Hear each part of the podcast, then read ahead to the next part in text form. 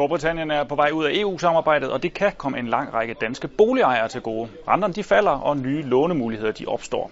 Og med fra Lyngby, der er Jyske Banks øh, boligøkonom Mikkel Hø forhåbentlig med os. Og Mikkel, du har jo holdt øje med, hvilke afsmitninger det her britiske valg har for de danske boligejere. Er det et niveau, der for alvor vil kunne mærkes det, der er sket i dag?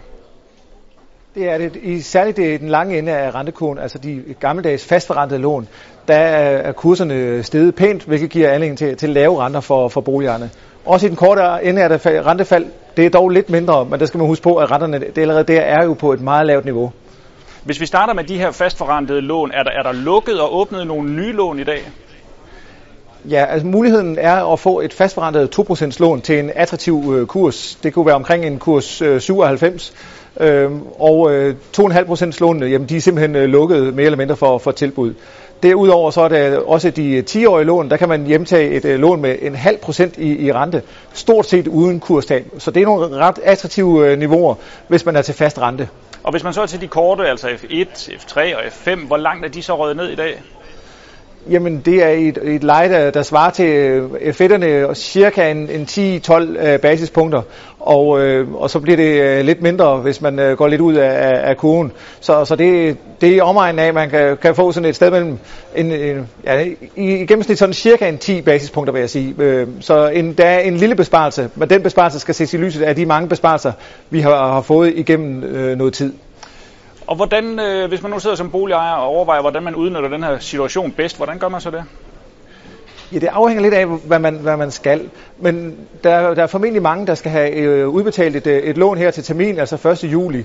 Der, der er mange af dem, der, der bør overveje at hegne øh, de her øh, lån øh, hjem, hvis det er fastforrentet, og så simpelthen hegne det ind ved en øh, fastkursaftale.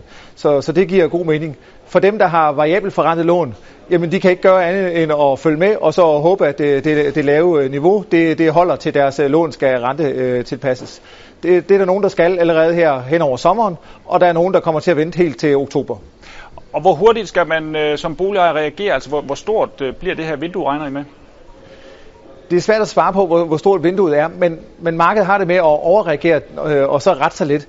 Så, så øh, umiddelbart så, så er det ikke vores forventning, at vinduet det bliver specielt stort. Altså det man skal huske på, det er, at der er også en dag i morgen, og der er jo ikke nogen, det er ikke tale om nogen total nedsmeltning. Der er tale om et, et chok, som de finansielle markeder lige skal absorbere. Det har givet lavere renter. Det kan man øh, udnytte, men, men øh, økonomierne de kører altså videre, øh, også i, i næste uge. Så, så derfor er jeg ret overbevist om, at det markederne stille og roligt vil rette sig igen. Og lige til sidst, øh, Mikkel, er der også, øh, kan man vente om at sige, at der også er en pris for, for den gode nyhed? Altså kan vi risikere, at, at boligpriserne falder oven på det her Brexit? Ja, det er en ret god pointe. Altså, de her lave renter er jo ikke i sig selv en god nyhed. Det er faktisk et, en, hvad skal man sige, en, en, en gevinst ved, en, øh, at der er noget, der, der, der er sket en dårlig nyhed. Altså for boligejerne, der havde det været bedre med, med stabil finansiel øh, udvikling, øh, vækst og arbejdspladser.